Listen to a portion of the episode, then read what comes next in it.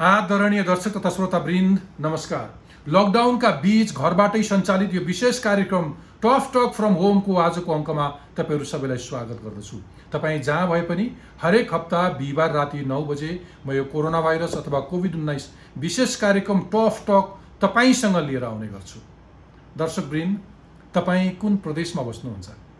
तपाईँलाई थाहै होला यति बेला हाम्रा सातवटै प्रदेशले आर्थिक वर्ष दुई हजार सतहत्तर अठहत्तरका लागि नयाँ बजेट प्रस्तुत गरेका छन् र अहिले तपाईँका प्रदेश संसदहरूमा ती बजेटमाथि छलफल तथा बहस चलिरहेको छ। तपाईँलाई यो पनि भनिदिउँ कि हरेक वर्ष जेठ पन्ध्रमा सङ्घीय सरकारले आगामी वर्षका लागि बजेट प्रस्तुत गर्छ भने प्रदेश सरकारले असार एक गते र स्थानीय सरकारहरूले असार दस गते गर्नुपर्ने व्यवस्था छ। वर्षौँदेखि यथोचित विकास हुन नसकेको मुलुकलाई विकासको बाटोमा हिँडाउने सरकारलाई जनताको घर दैलोमा पुर्याउने तथा व्यवहारिक रूपमै केन्द्रीकृत व्यवस्थालाई स्थानीय तहमा पुर्याउने अवधारणा अन्तर्गत मुलुकले सङ्घीय शासन प्रणाली अवलम्बन गर्यो र त्यही प्रणाली अन्तर्गत जन्मिएका सातवटा प्रदेशहरू अहिले प्रादेशिक शासकीय अभ्यास गरिरहेका छन्।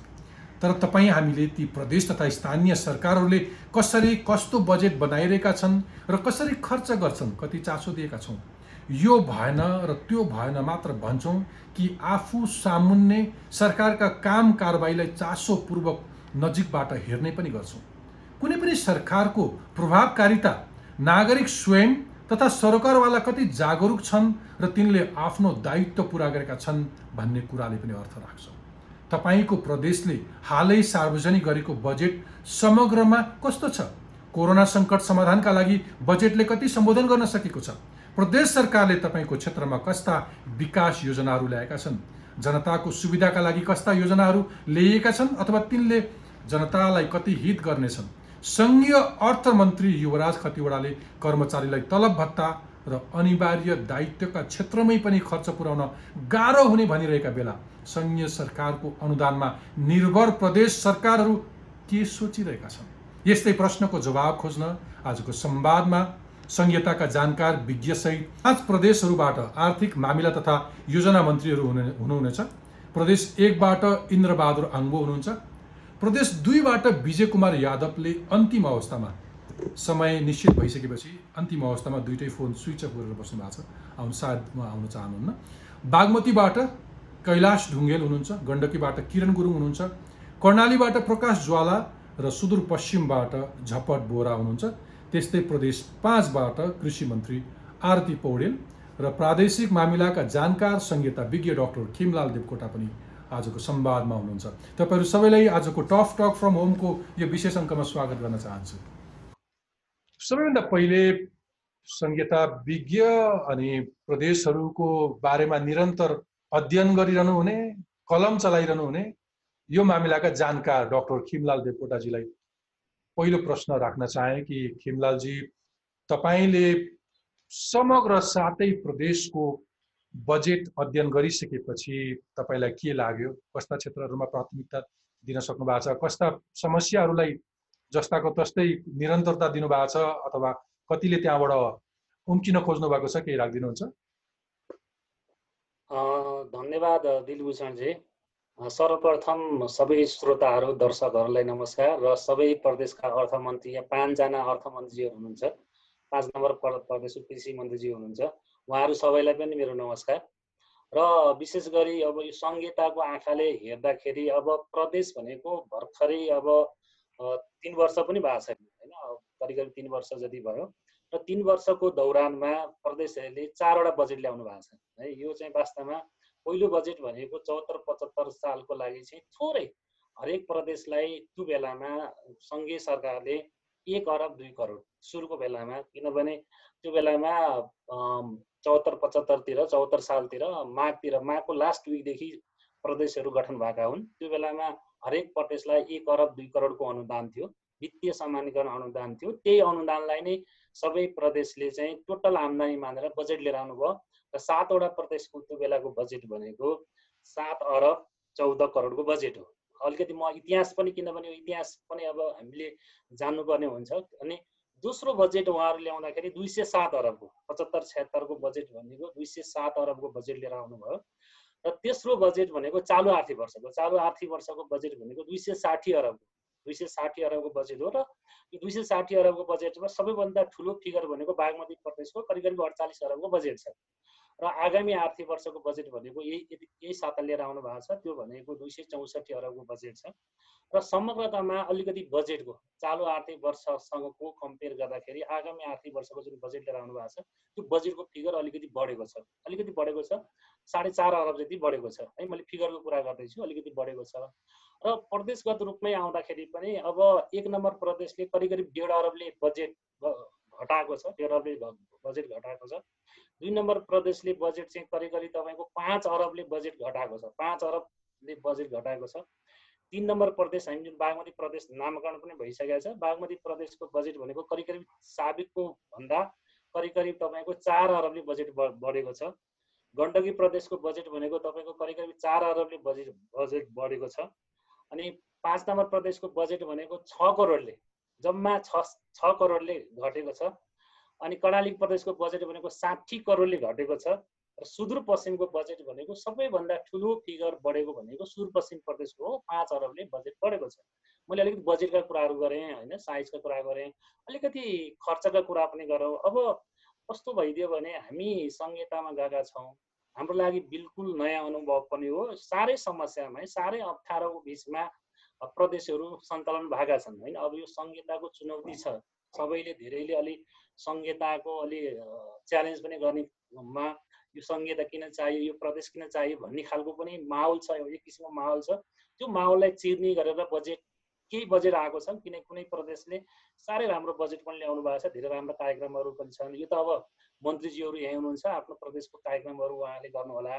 कतिपय कुराहरू अघि मैले खर्च गर कुरा गर्दाखेरि हामीले अर्ली बजेट होइन? अघि तपाईँले ब्याकग्राउन्डमा पनि भन्नुभएको छ। हामीले अलिकति सङ्घीय सरकारले जेठ पन्ध्र गति बजेट लिएर आउने अनि त्यसपछि प्रदेशले चाहिँ असार एक गति बजेट लिएर आउने स्थानीय तहले असार दस गति बजेट लिएर आउने। हाम्रो अब संविधानमा सङ्घीय बजेटको संविधानमा हामीले लेख्यौँ र प्रदेश र स्थानीय तहको हामीले अन्तर सरकारी वित्त व्यवस्थापन ऐनमा लेख्यौँ।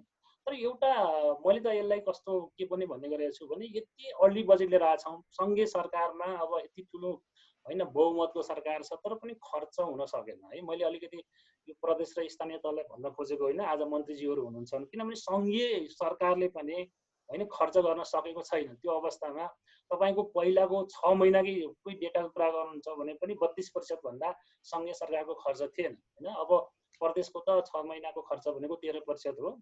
अब यो अहिलेकोमा अब बजेट आएको छ यसमा अलिक बजेटमा अलिक हामी समीक्षा गरौँला। छ महिनाको बिचमा होइन? यो छ महिनाको पिरियडको खर्च भने गत वर्षको खर्च भनेको प्रदेशले तपाईँको पचपन्न प्रतिशत खर्च गर्नुभएको होइन? पहिलो पूर्ण बजेट हो। गत वर्षको बजेट प्रदेशको भनेको पहिलो पूर्ण बजेट हो। त्यसमा खर्च भनेको पचपन्न प्रतिशत थियो। र अहिले चैतसम्मको चैतसम्मको सबै प्रदेशको खर्च भनेको तेइस प्रतिशत छ। मलाई लाग्छ यो बिचमा अब तिन महिनाको समयमा मलाई बढी खर्च भयो भने बिस प्रतिशत जति खर्च होला। भनेपछि एराउन्ड तपाईँको चालिस पैँतालिस होइन म्याक्सिमम् खर्च भयो भने पचपन्न प्रतिशत खर्च होला।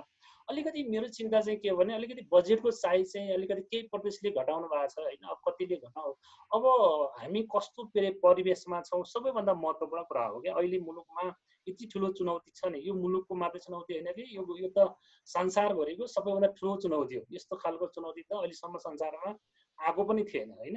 यो चुनौतीको बिचमा तपाईँले अघि पृष्ठभूमिमा पनि भनिसक्नुभयो सङ्घीय अर्थमन्त्रीले संसदमा एक किसिमले हातै उठाइसकेको अवस्था छ होइन? प्रतिनिधि सभामा पनि राष्ट्रिय सभामा पनि हिजो उहाँले राष्ट्रिय सभामा बोल्नु भएको छ।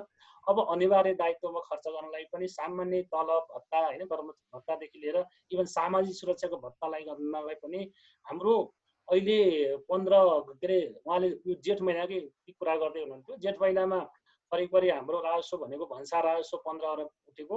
हामीलाई चालिस अरबको हामीलाई अनिवार्य दायित्वमा खर्च हुन्छ भन्नुभएको छ। अब तपाईँले अघि अर्को पनि एउटा कुरा गर्नुभएको छ अनुदानमा निर्भर प्रदेश भन्नुभएको छ है। एउटा पाटो एउटा पाटो तपाईँले अनुवा अनु अनुदानमा निर्भर प्रदेश भन्नुभएको छ। र मेरो बुझाइ चाहिँ के हो भने हाम्रो संविधानले अधिकार र जिम्मेवारीहरू चाहिँ संविधान त संविधान त अधिकारहरू त्यसलाई हामी फङ्सन अङ्ग्रेजीमा यसलाई हामी एक्सपेन्डिचर एसाइनमेन्ट पनि भन्छौँ। वित्तीय संहिताको पहिलो पिलर पनि हो। र एक्सपेन्डिचर एसाइनमेन्टलाई हामीले संविधानले हाइली डिभल्भ गरेको छ निक्षेपण गरेको छ तल पठाएको छ। तर रेभिन्यू साइड चाहिँ सेन्ट्रलाइज छ। संविधानले रेभिन्यूलाई सेन्ट्रलाइज गरेको छ। र सेन्ट्रलाइज गरेको रेभिन्यूलाई संविधानले के भनेको छ भने धारा साठीकै राजस्व बाँडफाँडमा अनुदानबाट वित्तीय हस्तान्तरणबाट त्यसलाई निक्षेपण गर भनेको छ। त्यसकारण एक त हामीले प्रदेशहरू गठन गर्दाखेरि के गर्यौँ भने राजस्वको अधिकार हामीले दिँदै दिएनौँ एकदमै थोरै राजस्व अधिकार दियौँ। एकदमै न्यून राजस्व अधिकार दियौँ र प्रदेशहरूको ठुलो स्रोत साधन भनेको तपाईँको वित्तीय हस्तान्तरणै हो होइन? कि अब प्रदेशहरूको स्रोत साधन हामीले बढाउनु पर्यो? अलिकति यो बहस छलफल गर्नुपर्छ। यहाँ अर्थमन्त्रीजीहरू हुनुहुन्छ होइन? पाँच नम्बरको कृषि मन्त्री हुनुहुन्छ यहाँ सबै श्रोताहरू दर्श दर्शकहरू हुनुहुन्छ। सङ्घीयताको साँच्चै जगेर्ना गर्ने भने प्रदेशहरूको बा बारेमा प्रदेशको जुन राजस्व अधिकार छ त्यसको बारेमा एकपटक बहस छलफल गर्नै पर्छ नम्बर एक। नम्बर दुई कतिपय कुराहरूमा तपाईँ सङ्घीय बजेट पनि हामीले हेऱ्यौँ होइन? सङ्घीय बजेट पनि हेऱ्यौँ। कतिपय कुराहरू सेन्ट्रलाइज गर्ने क्या? अधिकारहरू होइन? अधिकारहरू जिम्मेवारीहरू कतिपय कुराहरूमा संविधानले के भनेको छ भने धेरै फङ्सनहरू तल गरेको छ। तर कतिपय कुराहरू कर्मचारी लगायतको कुराहरूमा र नेपाल सरकारले एक लाख कर्मचारी समायोजन गर्दाखेरि तपाईँको चालिस पैँतालिस हजार कर्मचारी सँगमै किनभने तपाईँको संविधान हामीले हेर्दाखेरि अघि मैले फङ्सनको कुरा गर्दाखेरि साठी प्रतिशतभन्दा बढी फङ्सन चाहिँ तल प्रदेश र स्थानीय तहमा गएको छ। हाम्रो संहिता भनेको पिरामिड खालको संहिता हो। पिरामिड खालको हो। त्यसकारण जहाँ फङ्सनहरू हुन्छ त्यहाँ हामीलाई इन्स्टिट्युसनहरू चाहियो। जहाँ फङ्सनहरू हुन्छ त्यहाँ त्यहाँ राजस्व स्रोत चाहियो। जहाँ जहाँ फङ्सनहरू हुन्छ स्रोत साधन सबै चाहियो। यो पाटोमा अलिकति हामीले कन्जुसाइ गरेका छौँ यसमा बहस छलफल गर्नुपर्छ एउटा पाटो हो अब बजेटकै कुरा गर्दाखेरि सातवटै प्रदेशको अहिले मैले अपेक्षा गरेको यहाँ मन्त्रीजीहरू हुनुहुन्छ उहाँले पनि कुरा राख्नु होला मैले अपेक्षा के प्रदेशहरूसँग के गरेको थिएँ व्यक्तिगत रूपमा?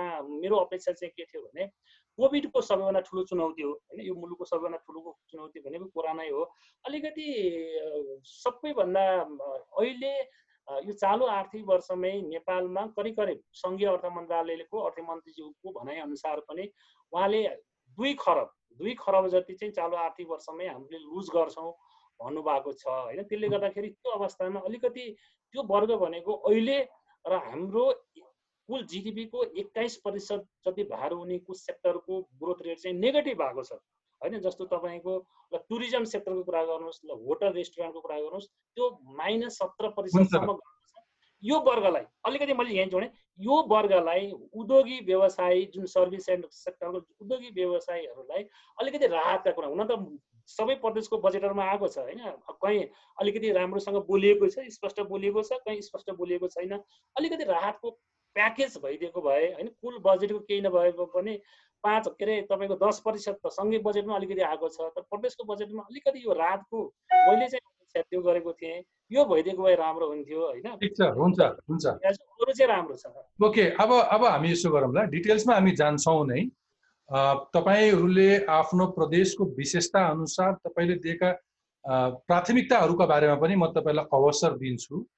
आफ्नो बजेटको सबल पक्षहरूको बारेमा तर मलाई केही प्रश्नहरू म प्रदेश सँगै क्रमैसँग मलाई लागेका केही जिज्ञासाहरूबाट सुरु गर्छु। सबैभन्दा पहिले म सुदूरपश्चिम अक्सर मान्छे पूर्वबाट सुरु गर्छौँ तर मलाई पश्चिमतिरै महत्त्व दिन मन लाग्छ। अलिकति कम महत्त्व दिएको अरू बेला पनि सरकारले। म सबैभन्दा पहिले झपट बोराजीकोमा जान चाहन्छु। सुदूरपश्चिमका आर्थिक मामिला तथा योजना मन्त्री हुनुहुन्छ।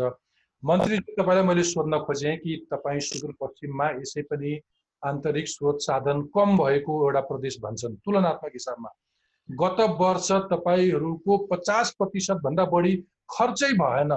तर यो पालि तपाईँहरूले बजेट यसरी बढाइदिनु भयो झन्डै साढे पाँच अर्ब बढाउनु भएको छ। अघिल्लो वर्ष बजेट खर्च नहुने साधन स्रोत पनि कम अनि यो पटक बजेट बढाइदिने यसको केही अरू विशेष कारण छ?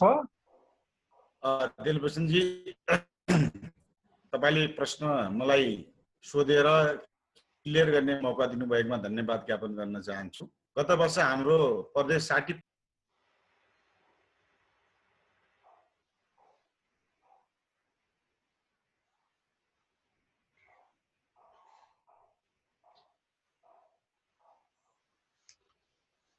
जफरजी मन्त्रीज्यू सुन्नुहुन्छ? तपाईँको इन्टरनेट अलिकति विक छ फेरि ट्राई गरौँ।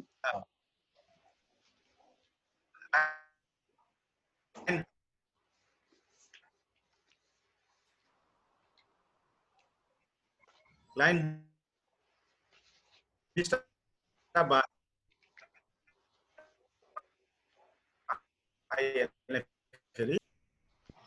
तपाईँको आवाज अझै पनि स्पष्ट छैन। त्यसपछि यहाँले प्रश्न सोध्नु कि भनेर लगभग मेरो आवाज सुनियो? अहिले सुनिन्छ। ल कन्टिन्यू गर्नुहोस् न। अब सुनिन्छ। पहिलो कुरा त के छ भने पहिलो कुरा त के छ भने पचहत्तर छिहत्तरमा हामीले क्यापिटल एक्सपेन्डिचर सेकेन्ड लार्जेस्ट प्रोभिन्सको रूपमा खर्च गरेका छौँ। मैले यहाँलाई जानकारी गराएँ। दोस्रो कुरा के छ भने यो वर्षको बजेटको आकार किन अलिक बढ्यो भन्ने यहाँको प्रश्न छ। त्यसमा मेरो यहाँलाई चाहिँ अनु हिसाबले बजेटको आकार ग्रोथ गरेका छौँ। तर अहिले पनि साढे अठार पर्सेन्टका हिसाबले ग्रोथमा अथवा बजेटको आकार वृद्धि गर्दा सबैभन्दा लोएस्ट बजेट ल्याउने प्रदेश सुदूरपश्चिम प्रदेश रहेको छ। गत वर्ष पनि सबैभन्दा लोएस्ट पनि हाम्रै बजेट रहेको थियो। अब यो अहिले साढे अठार प्रतिशत किन बढ्यो भन्ने यहाँको जिज्ञासा छ त्यसमा के भन्न चाहन्छु भने सङ्घीय सरकारले दिने राष्ट्र बाँडफाँड छ। त्यो सङ्घीय सरकारले स्रोतको चाहिँ प्रत्याभूति गरेको छ। जे जति प्रत्याभूति गरेको छ बजेटको वित्तीय स्रोतको रूपमा समावेश गर्नु पर्यो कि परेन। त्यसपछि तपाईँको चाहिने राष्ट्र बाँडफाँड शासन सम्पूरक अनुदान यी सबै वित्तीय स्रोतको सुनिश्चितता सङ्घीय सरकारबाट भएको छ। अब त्यही रकममा एक पैसा तलमाथि नगरेर बजेटमा स्रोतको रूपमा हामीले समावेश गरेका छौँ। अर्को भन्ने के हो?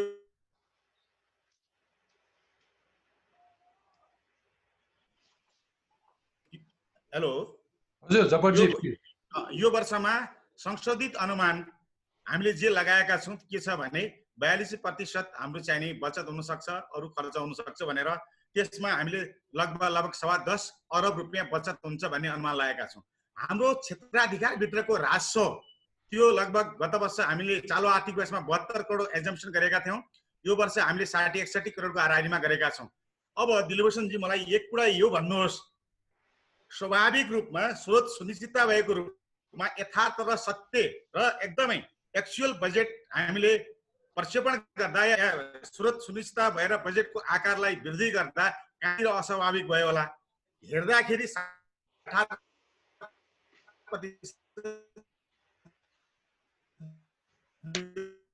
जपटजी तपाईँको आवाजमा केही त्यति त्यति स्पष्ट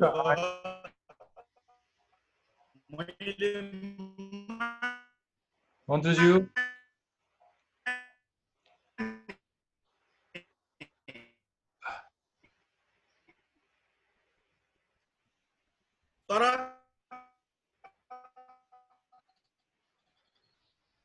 ठिक छ ठिक छ। म म कर्णाली प्रदेश उक्लिन्छु। कर्णाली प्रदेशबाट मन्त्री प्रकाश ज्वालाजी हुनुहुन्छ।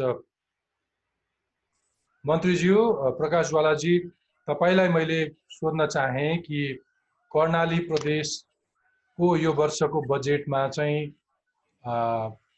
फजुल खर्च नगर्ने गाडीहरू खरिद नगर्ने खालको कार्यक्रम ल्याउनु भयो अब एम्बुलेन्स बाहेक अरू सवा सवारी साधन नकिन्ने भन्ने एउटा प्रस्ताव मलाई एउटा राम्रो लाग्यो। तर अक्सर कर्णालीलाई एउटा लाग्ने गरेको दोष चाहिँ के हो भने तपाईँहरू योजना भागबन्डा गर्ने चलन छ अरे भाग लाउनुहुन्छ अरे योजनाहरू आफूलाई।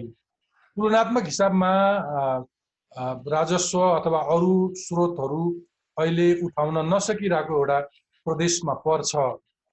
तर तपाईँहरूले एउटा कुरा चाहिँ के गर्न छोड्नु भएन भने सबै ए, टिका टप- टिप्पणी भइसकेपछि त्यत्रो विरोधका बावजुद पनि विवादै हुँदा हुँदै पनि सांसदहरूलाई बजेट चाहिँ छुट्टाएरै छाड्नुभयो होइन? स्थानीय जनताका लागि त्यो प्रदेशका लागि विकासका लागि पर्याप्त बजेट नहुँदा नहुँदै पनि सांसदलाई चाहिँ छुट्याउनै पर्यो। यो कस्तो खालको भुमरिया पर्नुभयो तपाईँहरू? धन्यवाद सबै माननीय मन्त्रीज्यूहरूलाई म अभिवादन गर्दछु। अब विज्ञ खिमलाल सरलाई पनि म अभिवादन गर्दछु। मैले संक्षेपमा कर्णालीको बजेटका बारेमा यहाँहरूलाई जानकारी गराउने जो अवसर दिनुभयो यसका निम्ति दिलभूषण पाठकजीलाई म धन्यवाद दिन चाहन्छु। पहिलो कुरा त हामीले यस पटकको बजेटलाई तिनवटा शब्दमा क्वाइन गरेका छौँ। महामारी भोकमरी र रोजगारी।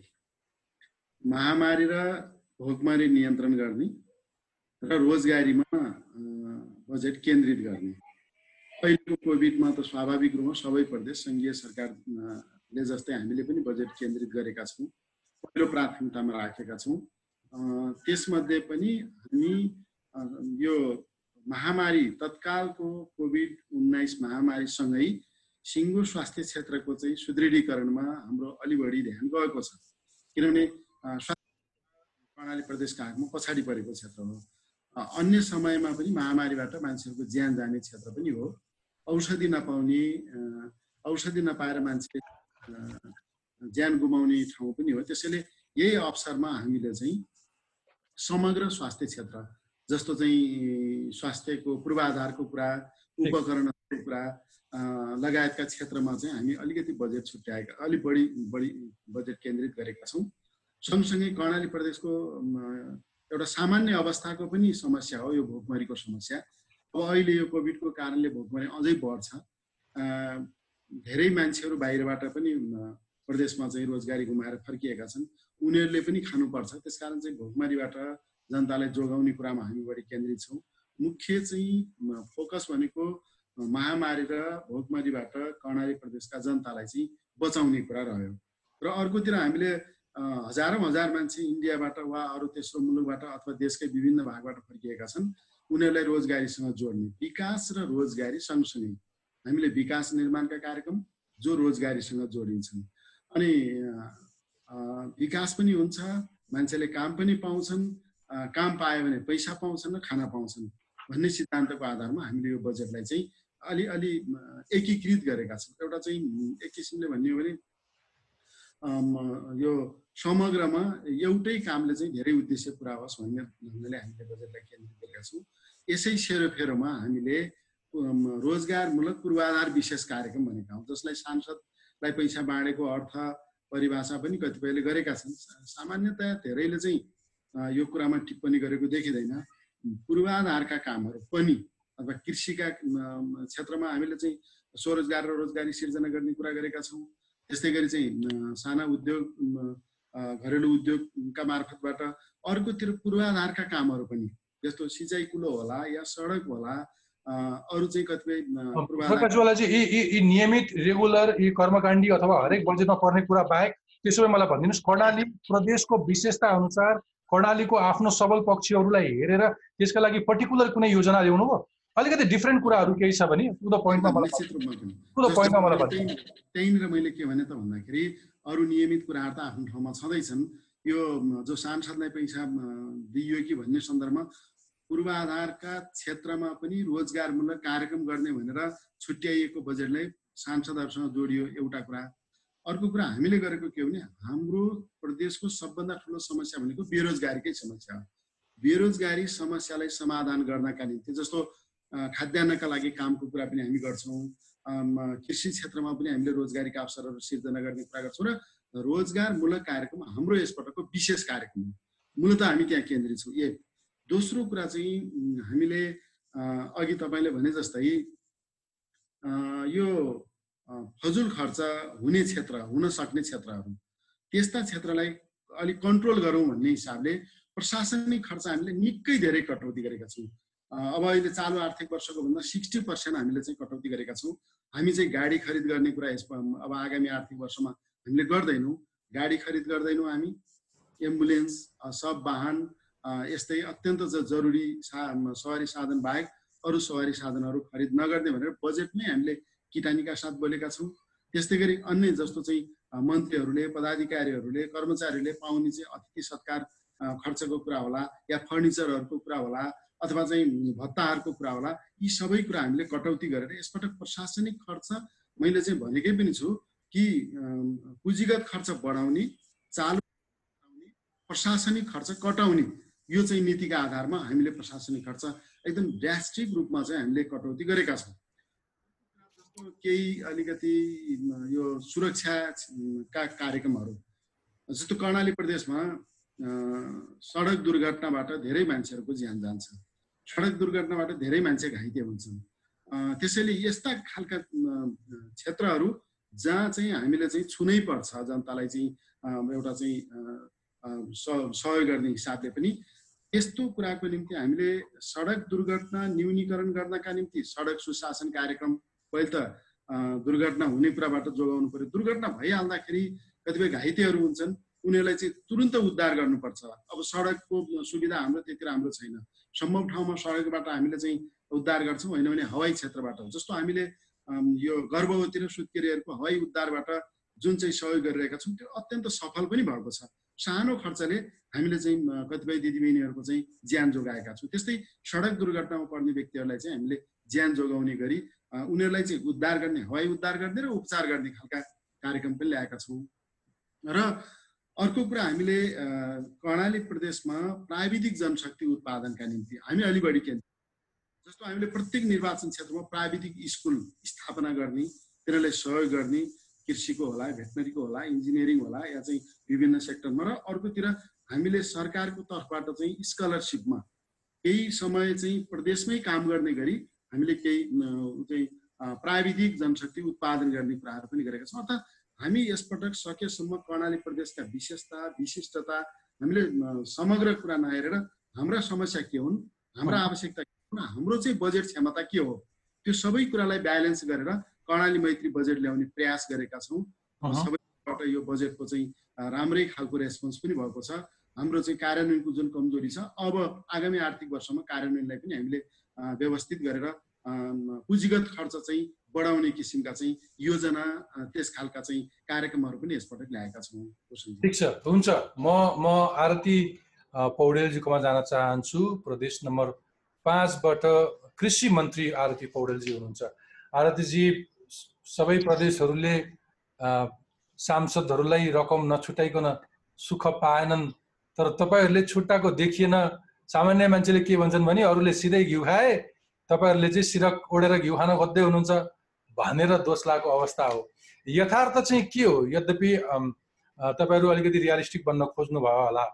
कृषिमा अलिकति बढी जोड पनि दिएको जस्तो लाग्छ तपाईँहरूको प्रदेशले।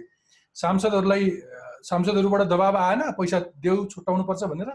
के अर्को कुनै बाटो छ? हजुर सबै मन्त्रीज्यूहरूलाई सबैलाई नमस्कार।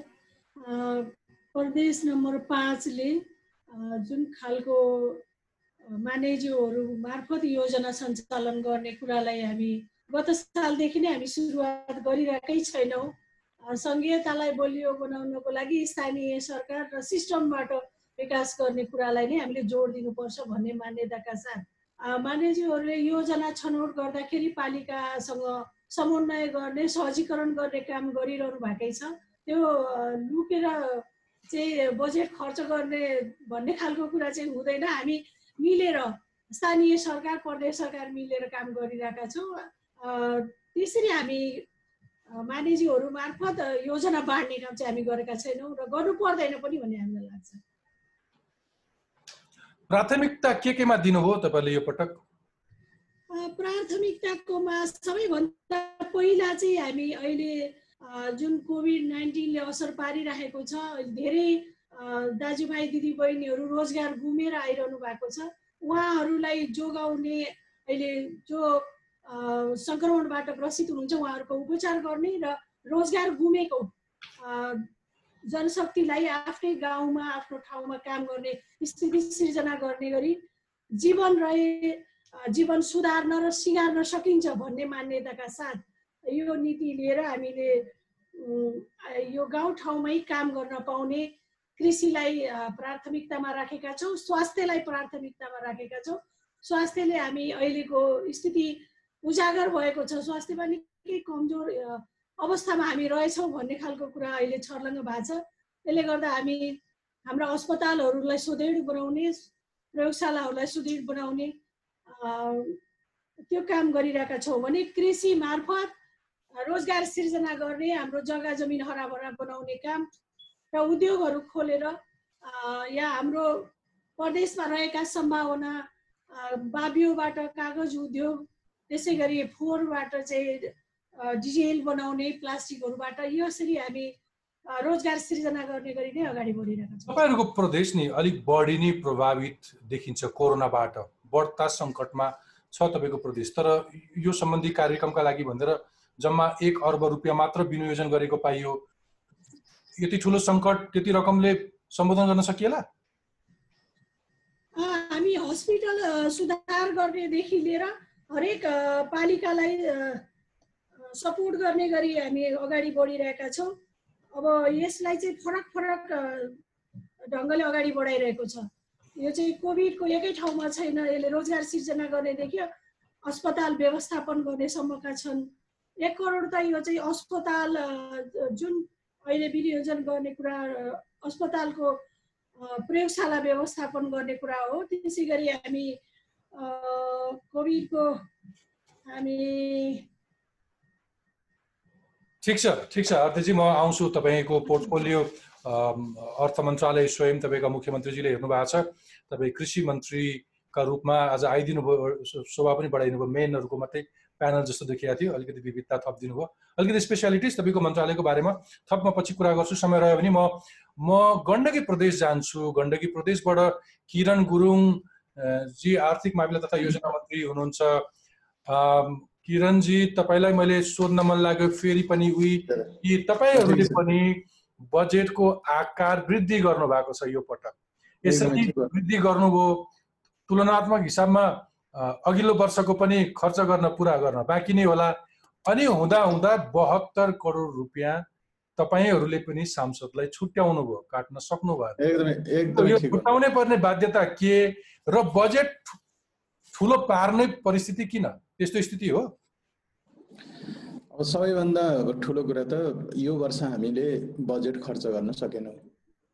र हामीले अनुमान गरेका छौँ पचासदेखि पचपन्न प्रतिशत मात्रै बजेट खर्च हुन्छ। र त्यो खर्च नभएको बजेट स्वाभाविक हिसाबले हामीले आगामी आर्थिक वर्षको निम्ति हामीले सार्नुपर्ने हुन्छ। र हामीले यो चालु आर्थिक वर्षमा कार्यान्वयन गर्न नसकेको सबै योजनाहरूलाई कार्यक्रमहरूलाई पनि हामीले निरन्तरता दिन्छौँ भनेर प्राथमिकतामा हामीले तोकेका थियौँ। र ती योजना र कार्यक्रमहरूलाई पनि हामीले आगामी आर्थिक वर्षको निम्ति हामीले लानुपर्ने भयो निरन्तरता दिनुपर्ने भयो। त्यस कारणले गर्दाखेरि हामीले बाध्य भएर यसभन्दा अगाडि बत्तिस बत्तिस अरबको करिब बत्तिस अरबको हाम्रो यो चालु आर्थिक वर्षको चाहिँ बजेट थियो र त्यसमा साढे दुई अरब जति हामीले चौतिस तिरासी चौतिस तिरासीको चाहिँ हामीले अहिले चौतिस अरब तिरासी करोडको हामीले बजेट ल्याएको छौँ। साढे दुई अरब चाहिँ हामीले चाहिँ वृद्धि गरेका छौँ। त्यसले गर्दाखेरि मलाई लाग्छ यो अस्वाभाविक छैन। चालु आर्थिक वर्षकै एउटा मापदण्ड आधारमा निर्दिष्ट जुन दिशा र लक्ष्यकै आधारमा हामीले बजेट चाहिँ अगाडि बढाउँदाखेरि यो भएको यदि सामान्य अवस्था हुँदो हो भने मलाई लाग्छ हामीले यो मध्यमकालीन खर्च संरचना जुन हामीले निर्माण गरेको छौँ जसले जुन लक्ष्य तोकेको छ त्यस आधारमा भन्ने हो भने हामीले अडतिस अरबको बजेट चाहिँ हामीले ल्याउनु पर्ने थियो। त्यो अवस्था हाम्रो चाहिँ रहेन र हामीले त्यो चाहिँ ल्याएनौँ यो। र अर्को हामीले अब यो निर्वाचन पूर्वाधार विकास कार्यक्रम भनेको छ त्यसलाई हामीले निरन्तरता दियौँ। किन निरन्तरता त दियौँ भने हामीले पहिला राखेनौँ। यसभन्दा के अरे यो अहिलेको चालु आर्थिक वर्षमा मात्रै हामीले राखेको यसभन्दा अगाडि हामीले राखेनौँ। तर अब धेरै जनप्रतिनिधिहरू हामी जनताबाट चाहिँ चुनिएका प्रतिनिधिहरू हौँ र हाम्रो चाहिँ तल पनि स्थानीय हामी सङ्घीयतामा छौँ। स्थानीय त पहिला जस्तो छैन। त्यहाँ कुनै पनि सांसदहरूलाई स्थानीय तहले डाक्न पनि डाक्दैनन् सोध्न पनि सोध्दैनन् र उनीहरू त्यसप्रति जिम्मेवार पनि हुने अवस्था पनि छैन। त्यस कारणले गर्दाखेरि कम्तीमा पनि हामीलाई जनप्रतिनिधि भएको कारणले गर्दाखेरि हाम्रा भोटर्सहरूप्रति हाम्रो जिम्मेवारी बोध गराउने हिसाबले नमिनल हिसाबले भए पनि हामीलाई एउटा हाम्रो योजना मात्रै छनौट गर्ने फेरि उनी उहाँहरूले काम कार्यक्रम चाहिँ गर्नुहुन्न योजना मात्रै छनौट गर्ने एउटा कार्यक्रम राखिदिनु पर्यो भनिसकेपछि सबै ठाउँबाट सङ्घबाट पनि त्यो परेको कारणले धेरै प्रदेशहरूबाट परेको कारणले गर्दाखेरि चालु आर्थिक वर्षमा हामीले राख्यौँ र अहिले दबाब दबाब मात्र दबाब मात्रै होइन त्यो कुरालाई हामीले मुख्यमन्त्री लगायत हामीलाई पनि त्यो ठिक लाग्यो। ठिक लागेर दबाब भन्दा पनि सबभन्दा ठुलो हामीलाई ठिक लाग्यो। तपाईँलाई संसारभरि नागरिक तहबाट विज्ञहरूबाट यति धेरै क्रिटिसिजम भइरहेको अवस्थामा कोभिड जस्तो सङ्क्रमण आएर चाहिँ अब यहाँ सङ्घको सङ्घीय अहिले त हामीले अहिले त हामीले कोभिडलाई नै त्यसलाई उ गरेका छौँ कोभिडमा परिवर्तन गर्ने गरी त्यसलाई निरन्तरता दिने भनेका छौँ। कोभिडमै कै कार्यक्रममा यो खर्च सांसदहरूले तपाईँलाई विश्वास नगर्दा रहेछन्। आफ्नै हातमा चाहियो भने त पैसा। ठिकै छ मैले तपाईँलाई किरणजीलाई सोध्न खोजेको के भने नि? मेरो प्रश्न के भने अघिल्लो वर्ष पनि झन्डै तपाईँहरूको चालिस प्रतिशत राजस्व वृद्धिको लक्ष्य थियो। कुनै न कुनै रूपमा तपाईँले असुली पनि गर्नुभयो होला। तर तपाईँ गण्डकी प्रदेश भनेको पोखरा लगायतका पर्यटक क्षेत्रहरू अथवा पर्यटन क्षेत्रको ठुलो सम्भावना भएको ठाउँ हो। तर अवस्था त विगतको जस्तो छैन अहिले। पर्यटन क्षेत्र चौपट भएको छ। अब यो लक्ष्य हासिल कसरी गर्नुहुन्छ? एकातर्फ बजेट आकर्षणका लागि मात्रै ठुलो बनाउनु भएको हो कि साँच्चै आन्तरिक मूल्याङ्कन पनि गर्न सक्नु भएको छ यो कुरा? एउटा कुरा के होला भन्दाखेरि अब तपाईँहरूले अब बुझ्नुपर्ने कुरा हामी सबैले बुझ्नुपर्ने कुरा चाहिँ पर्यटनबाट चाहिँ हामीलाई कुनै पनि प्रदेशले कुनै पनि अब हाम्रो अर्थ उपार्जन हुँदैन। भन्नुको अर्थ चाहिँ हामीलाई आय स्रोतमा वृद्धि चाहिँ हुँदैन पर्यटनको तर्फबाट। हामीलाई चाहिँ आय स्रोत हुने भनेको हाम्रो चाहिँ यातायात नै हो। र त्यसपछि आएर घर जग्गा रजिस्ट्रेसनबाट चाहिँ प्राप्त हुने आम्दानी हो।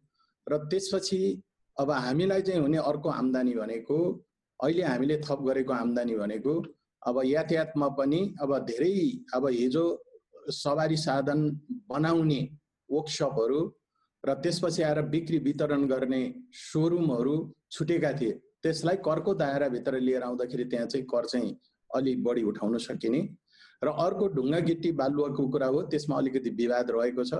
र यसपटक हामीले के गरेका छौँ त भन्दाखेरि नेपाल कानुन संशोधन ऐनमा स्थानीय तहले ढुङ्गा गिटी बालुवा दहत्तर बहत्तर चाहिँ उठाउन पाउने र त्यो उठाएको चाहिँ आफ्नो सञ्चित कोषमा चाहिँ राख्न पाउने व्यवस्थाको कारणले गर्दाखेरि हिजो हामीलाई त्यसबाट प्राप्त हुन्थ्यो त्यो प्राप्त नहुने अहिले अवस्था रह्यो। र अहिले कानुनले के व्यवस्था गरेको छ त भन्दाखेरि स्थानीय तहले ढुङ्गा गिटी बालुवा प्राप्त गर्ने उसको स्रोत भनेको सार्वजनिक जग्गा र ऐलानी जग्गामा भनेको छ। त्यस कारणले हामीले अहिले यसपटक के गर्यौँ त भन्दाखेरि सार्वजनिक र ऐलानी जग्गा बाहेक वन क्षेत्रभित्र पर्ने ढुङ्गा गिटी बालुवा प्रदेश सरकारले त्यो निकाल्न सक्छ र त्यसमा कर लगाउन सक्छ भनेर हामीले त्यो कर चाहिँ लगाएर हामीले दायरालाई चाहिँ अगाडि बढाएको छौँ। तपाईँले भने जस्तै फेरि चाहिँ पर्यटन क्षेत्रका पनि धेरै त्यस्ता क्षेत्रहरू छन् पद पदमार्गहरू छन्। जहाँ जहाँ चाहिँ प्रवेश गर्नका निम्ति अब टिकट काटिन्छ त्यो टिकटमा पनि कम्तीमा पाँच प्रतिशतको दरले हामीले राजस्व सङ्कलन हुने ढङ्गले हामीले राख्नुपर्छ भनेर यस वर्ष हामीले करिब पाँच अरबको राजस्वको लक्ष्य राखेका छौँ। विगतमा हामीले तिन अरब राखेका थियौँ। पुनः कोरोनाको कारणले गर्दाखेरि एकसट्ठी प्रतिशत त्यो सङ्कलन भएको थियो। र बिचमा त्यो चाहिँ अवरुद्ध भएको छ। त्यस कारणले गर्दाखेरि अहिले त्यो अवरुद्ध भए पनि त्यो तिर्नुपर्ने नै हो यातायातको तिर्नुपर्ने नै हुन्छ। र पछि हामी त्यो अहिले यो कोरोनाको कारणले लकडाउनको कारणले गर्दाखेरि मात्रै त्यो चाहिँ उठेन। र हिजो मात्रै कार्यालय खोल्यो। कार्यालय खोल्दाखेरि त्यहाँ चाहिँ मलाई लाग्छ पाँच सयभन्दा बढीको चाहिँ त्यो यातायात चाहिँ कर तिर्नका निम्ति पाँच सयभन्दा बढी लाइन लागेछ भनेर त्यहाँका यातायात कार्यालय कार्यालयका कर्मचारीहरूले पनि बताएका थिए।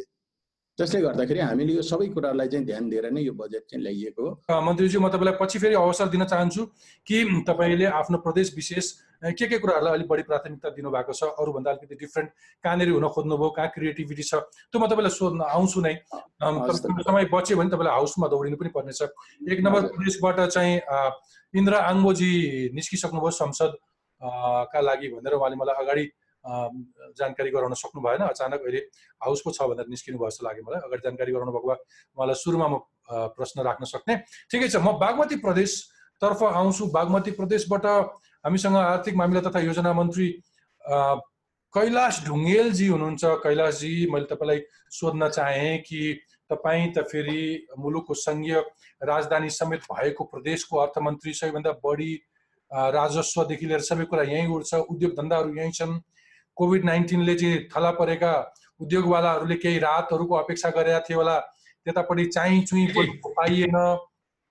सम्पूर्ण उद्योग हरू धराशयी भइरहेको अवस्थामा तर बजेट चाहिँ फेरि यसो हेर्दाखेरि सबैभन्दा ठुलो आकारको बजेट ल्याउनु भयो एकाउन्न अर्ब बयालिस करोड रुपियाँको।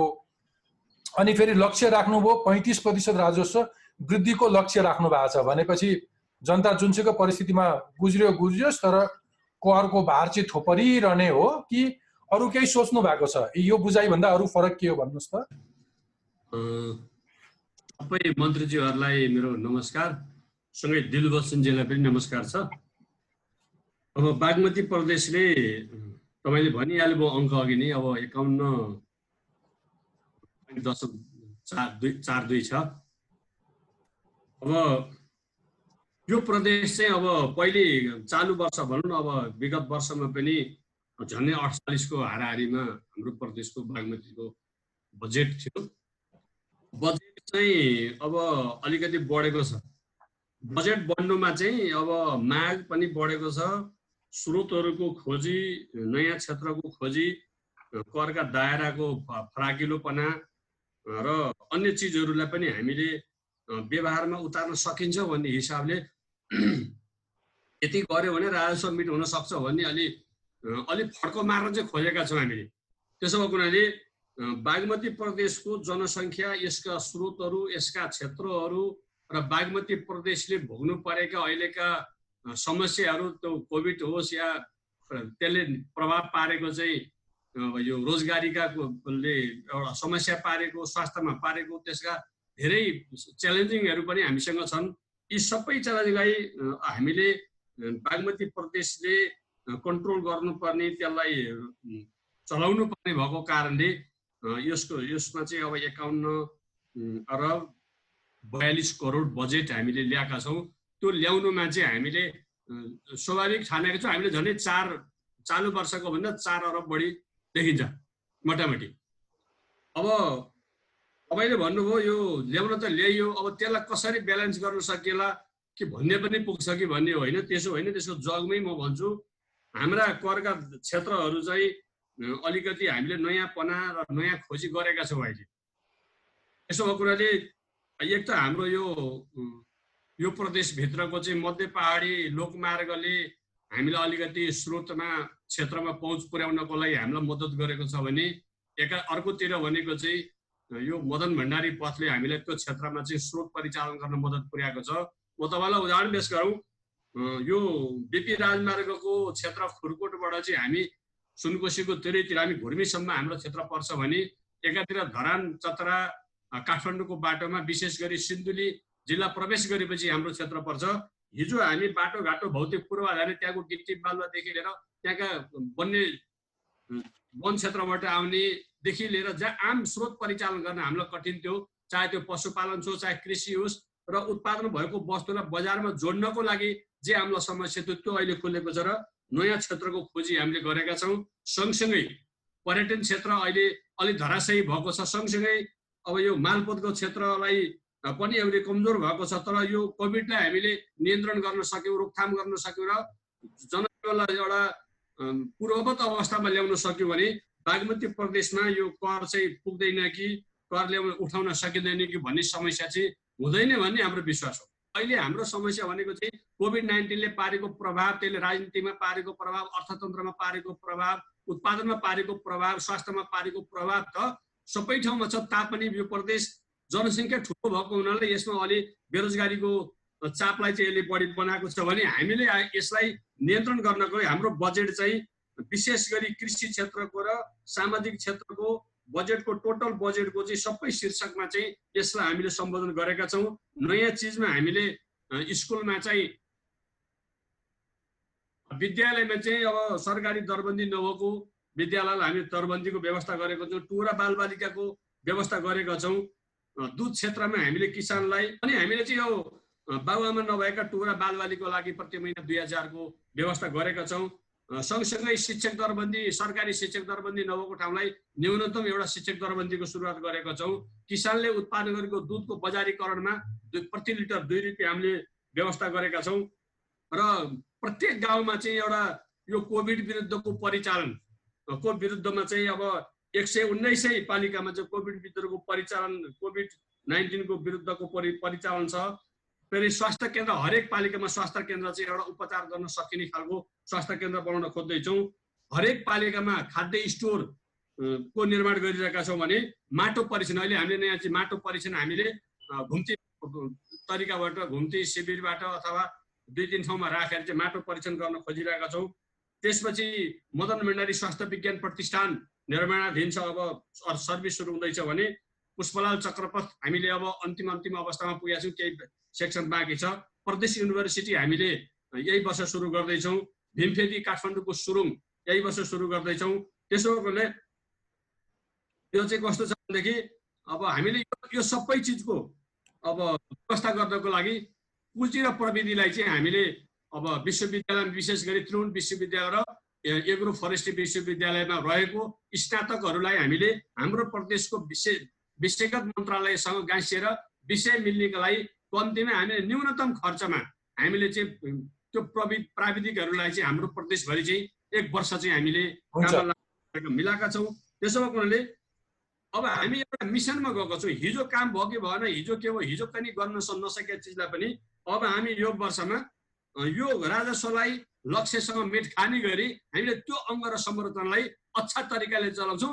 यसमा कुनै आलोचना आउनु जरुरी छैन किनभने हामीले कर बढाएका छैनौँ दायरा र क्षेत्र चाहिँ नयाँ ल्याएका छौँ। ठिक छ होइन ढुङ्गेलजी आलोचना बिल्कुल होइन। कति व्यवहारिक छ भन्ने कुरा पनि हो र प्रदेश विशेष तपाईँहरूसँग सृजनशीलताका लागि प्रशस्त ठाउँहरू पनि हुन्छन्। सङ्घीयले सङ्घले गरे जस्तै अथवा यहाँ देखिएका विकृतिहरू त्यहाँ पनि देखियो। यहाँ पनि सांसदलाई रकम नदिकन सरकारले सुख पाएन प्रदेशमा पनि त्यही दोहोऱ्याए। त्यहाँको आफ्नो क्षमता हुन्थ्यो होला भन्ने केही टिप्पणीहरू थिए। म यो जति जति बजेट छ त्यो बजेट चाहिँ यो सबै सांसदहरूले नै संसदमा पास गरेर लाने बजेट हो। अनि त्यो तपाईँले भन्न खोजे अहिले त्यो सांसदहरूलाई दिने योजना या बजेट भन्नुभयो त्यो वास्तवमा नाम के छ थाहा छैन। यहाँ पूर्वाधार विकास कार्यक्रम भन्छौँ। हामीले तर सांसदलाई हत्केलामा चेक दिएर पैसा दिएर तपाईँ बाँड्नुहोस् है यो च- चराचुरुङ्गीलाई चारो बाँड्नुहोस् भनेर दिने व्यवस्था होइन त्यो। ढुङ्गेल सर यसमा सुन्नुहोस् यसमा यसमा यसमा मेरो मेरो कुरा सुनिसक्नुहोस् सिद्धान्तको बारेमा बहस नगरौँ। यसको बारेमा प्रशस्त टिप्पणी भइसके छातीमा हात राखेर भन्न सक्नुपर्छ।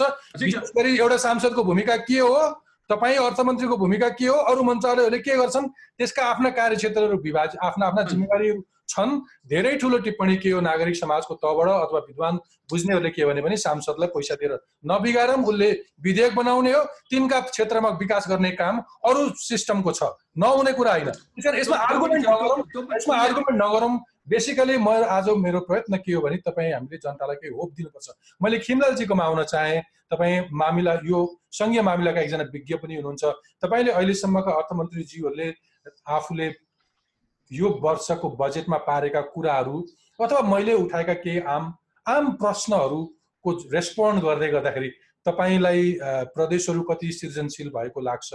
कति धेरै त्यहाँका क्षेत्र विशेष मुद्दाहरूले महत्त्व पाए जस्तो लाग्छ? कि कोभिड नाइन्टिनको एउटा असज अप्ठ्यारो छँदैछ सङ्घका अर्थमन्त्री समेतले खर्च जो गर्न गाह्रो छ भनिरहेको बेलामा धेरै साथीहरू महत्त्वकाङ्क्षी पो हुनुभयो कि? तपाईँको के छ टिप्पणी? फेरि पछि सोधेँ तपाईँलाई मैले।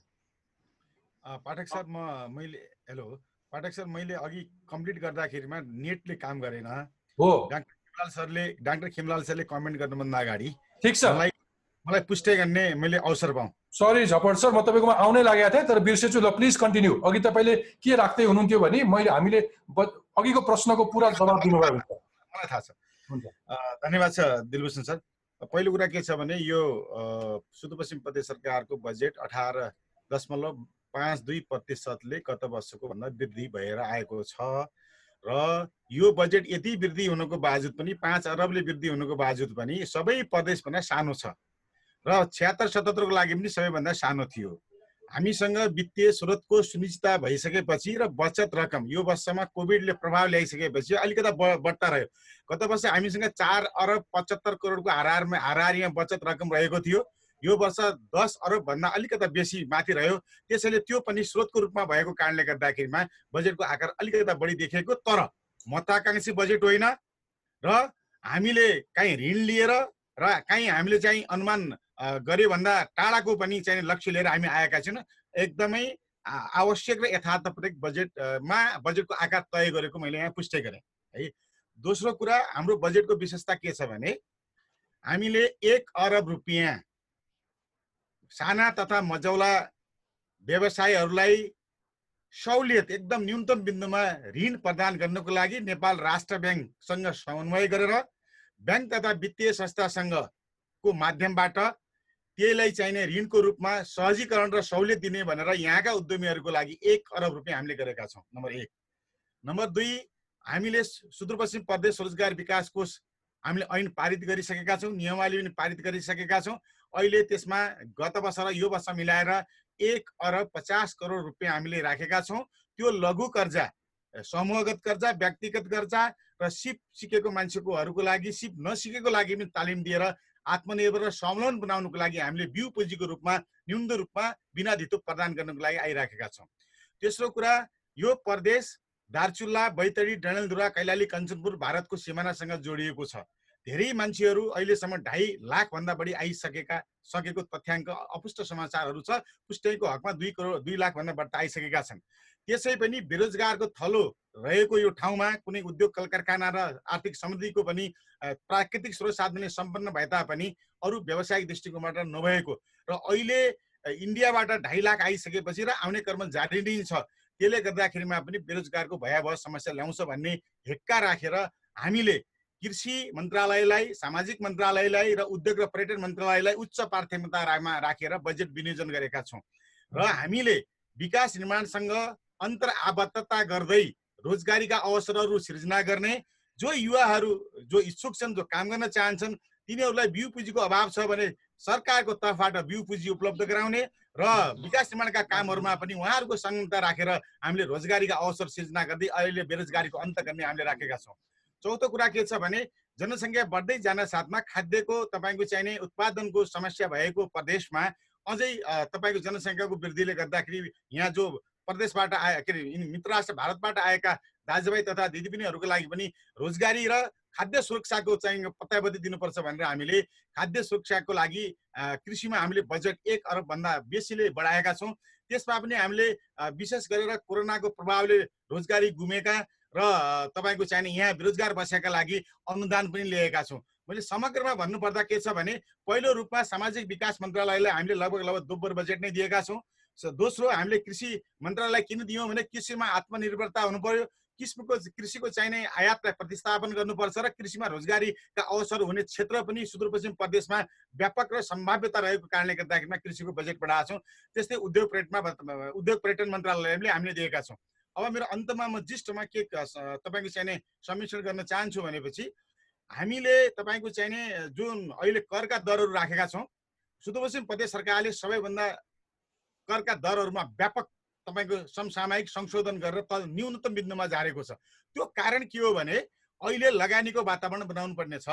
अहिले गुमेको आत्मविश्वास हामीले रिभाइभ छ।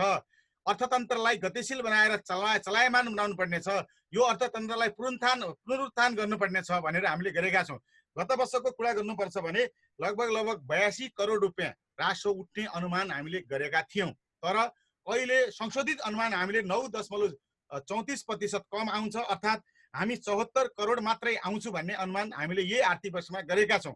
र आगामी आर्थिक वर्षमा लगभग लगभग एकसट्ठी करोड मात्रै आउँछ भनेर हामीले चाहिने डाउनफालतिर एजम्सन गरेका छौँ। त्यसैले मलाई के लाग्छ भने कर तिर्न सक्ने वातावरण अहिले छैन।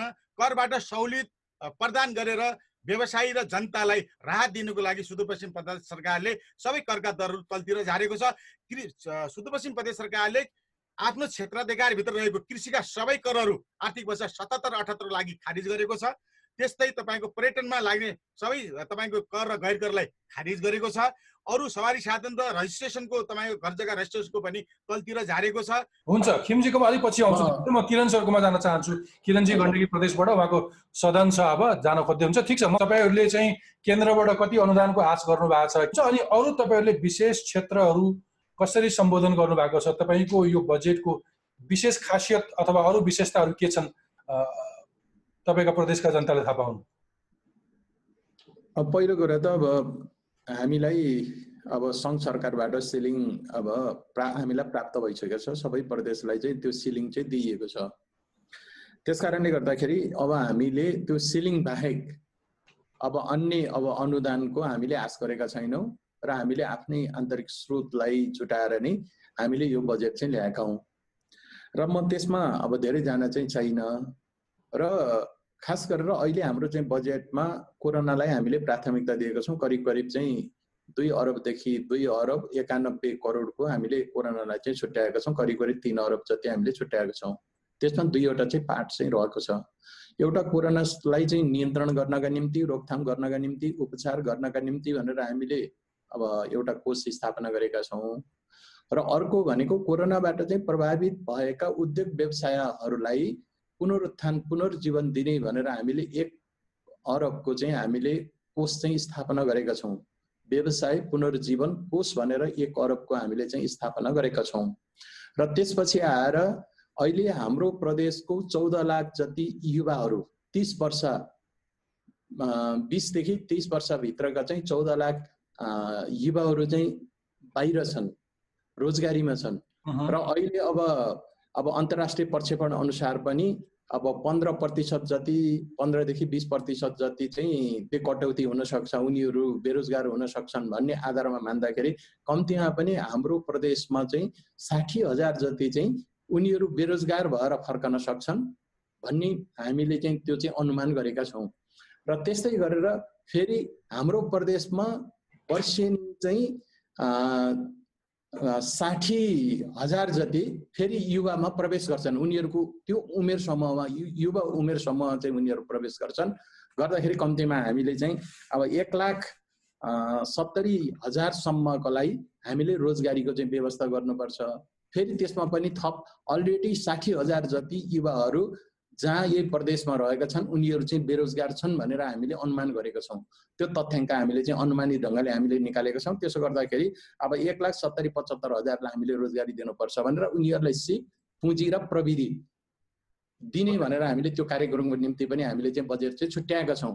र त्यसपछि हामीले सबभन्दा ठुलो कुरो त स्वास्थ्यलाई नै दिएका छौँ।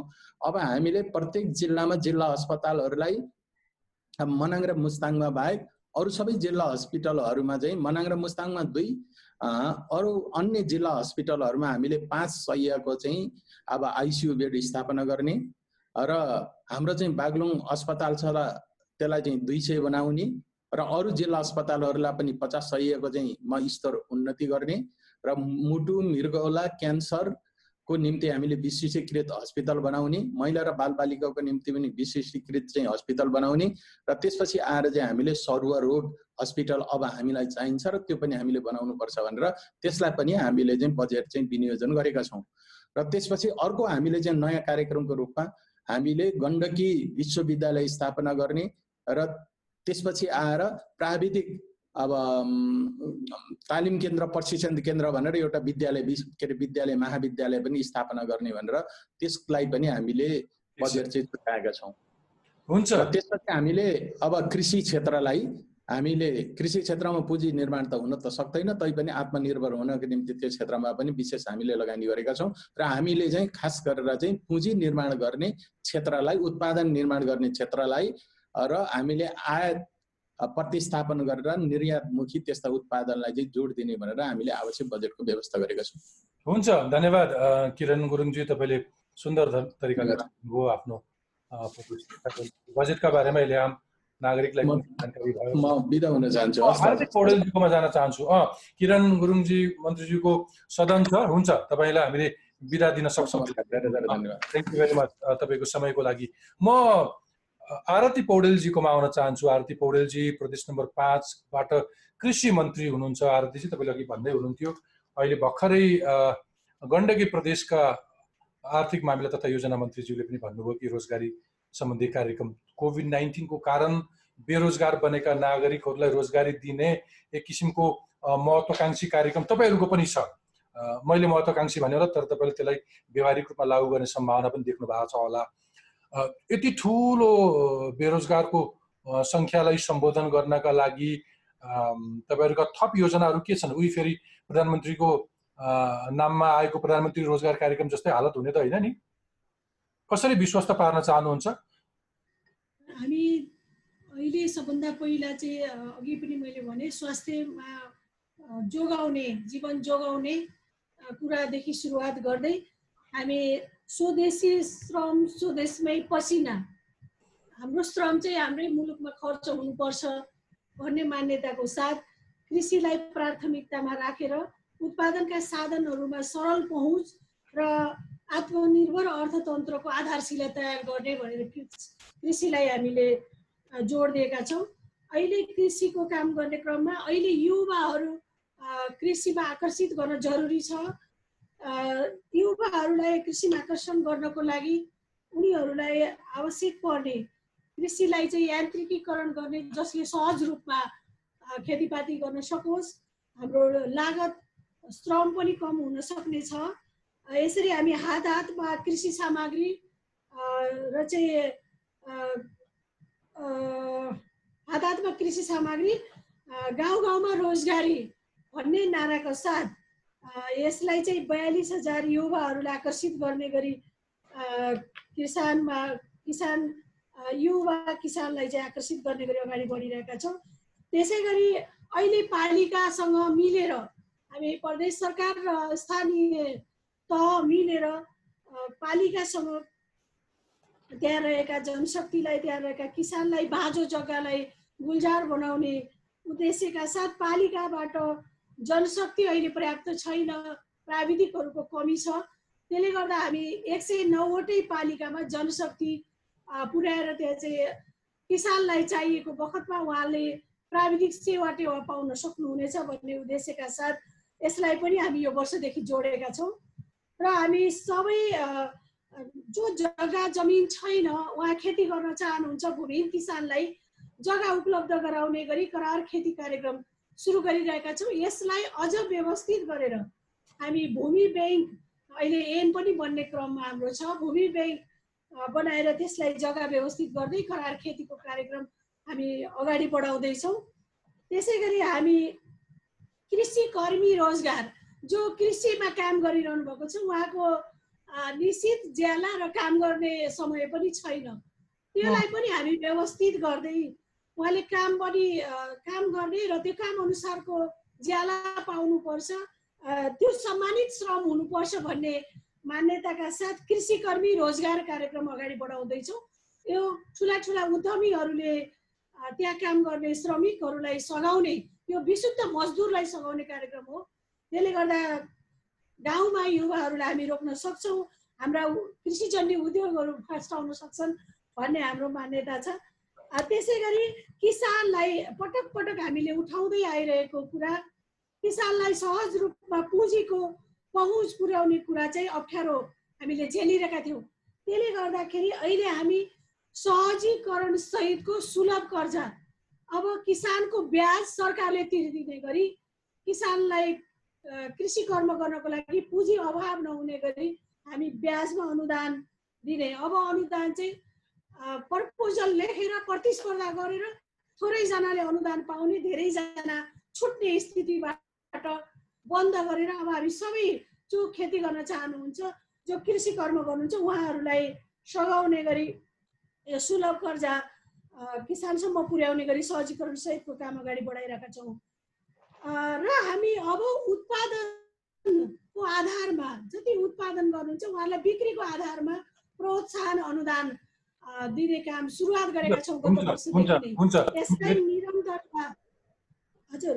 यसलाई निरन्तरता दिने अझ व्यवस्थित गर्दै हामी अगाडि बढाउँदैछौँ। किसानले उत्पादन गरेको वस्तु त्यसको मूल्य किसानले तोक्न पाउनुपर्छ। त्यो उत्पादनको मूल्याङ्कन गरेर किसानको श्रम उहाँहरूको पुँजी जोडेर चाहिँ उहाँहरूले केही मुनाफा पनि उहाँले बचत पनि हुन पाउनुपर्छ भन्ने उद्देश्यका साथ हामीले सहकारीसँग जोडेर बजारीकरण गर्ने काम अगाडि बढाउन खोजिरहेका छौँ। हामी सहकारी बजार बाह्रै जिल्लामा सहकारी बजार बनाउने र बाहिर पनि आउटलेट खोलेर काठमाडौँ पोखरा र सुर्खेतमा पनि आउटलेट खोलेर हामी हाम्रो उत्पादनहरू सहकारी टु सहकारी बिजनेसको आधारमा त्यहाँका सहकारीले हाम्रो सहकारीलाई यहाँको यहाँ परेको आवश्यक हामी लिनेछौँ र हाम्रो उत्पादनहरू बाहिर पठाउने गरी अगाडि मन्त्रीज्यू मन्त्रीज्यू ठिक छ।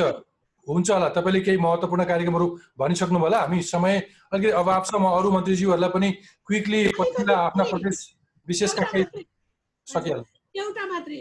हाम्रो प्रदेशमा छोरीहरू विशेष गरी मुस्लिम मुक्त कमैया पछाडि परेको छोरीहरूलाई विज्ञान विषयमा चाहिँ उहाँहरूलाई स्कलरसिप दिएर अब छोरीहरू योग्य हुनुपर्छ। त्यसरी हामी छात्राहरूलाई स्कलरसिप कार्यक्रम यो वर्षदेखि अगाडि बढाइरहेका छौँ। अनाथ कोही पनि हुन सक्दैन। सरकार उसको अभिभावक हुन हुनुपर्छ भन्ने उद्देश्यका साथ प्रदेश सरकारको साथ कोही रहन्न अनाथ भन्ने गरी अनाथलाई धन्यवाद। हुन्छ। गरिरहेका मन्त्रीजी केही न केही अर्थ राख्छ तपाईँले यो भनेको जानकारी। तपाईँका प्रदेशका नागरिकहरूले थाहा पाइरहनु। खिमलालजीले अब्जर्भ गरिरहनु भएको छ हरेक मन्त्रीहरूको कार्यक्रमको डिटेल्सहरू म उहाँलाई कार्यक्रमको पुछारमा उहाँको आफ्नो थप धारणासहित प्रदेशले के गर्न सक्थे? उहाँको बुझाइका बारेमा सोध्न चाहन्छु नै। तर अब अन्तिममा दुई मन्त्रीज्यूहरूको केही फिडब्याक लिइहाल्छु अनि अनि उहाँकोमा आउँछु। प्रकाशजी प्रकाश ज्वालाजी हुनुहुन्छ कर्णाली प्रदेशका आर्थिक मामिला तथा योजना मन्त्री। प्रकाशजी तपाईँले केही थप्न चाहनुहुन्छ? जस्तो कर्णाली प्रदेश भन्ने बित्तिकै अस्ति केन सङ्घीय व्यवस्था आउनुभन्दा अगाडि पनि केन्द्रको सरकारले चाहिँ कुनै न कुनै रूपमा कर्णालीलाई विशेष कार्यक्रमहरू ल्याउने गर्थ्यो।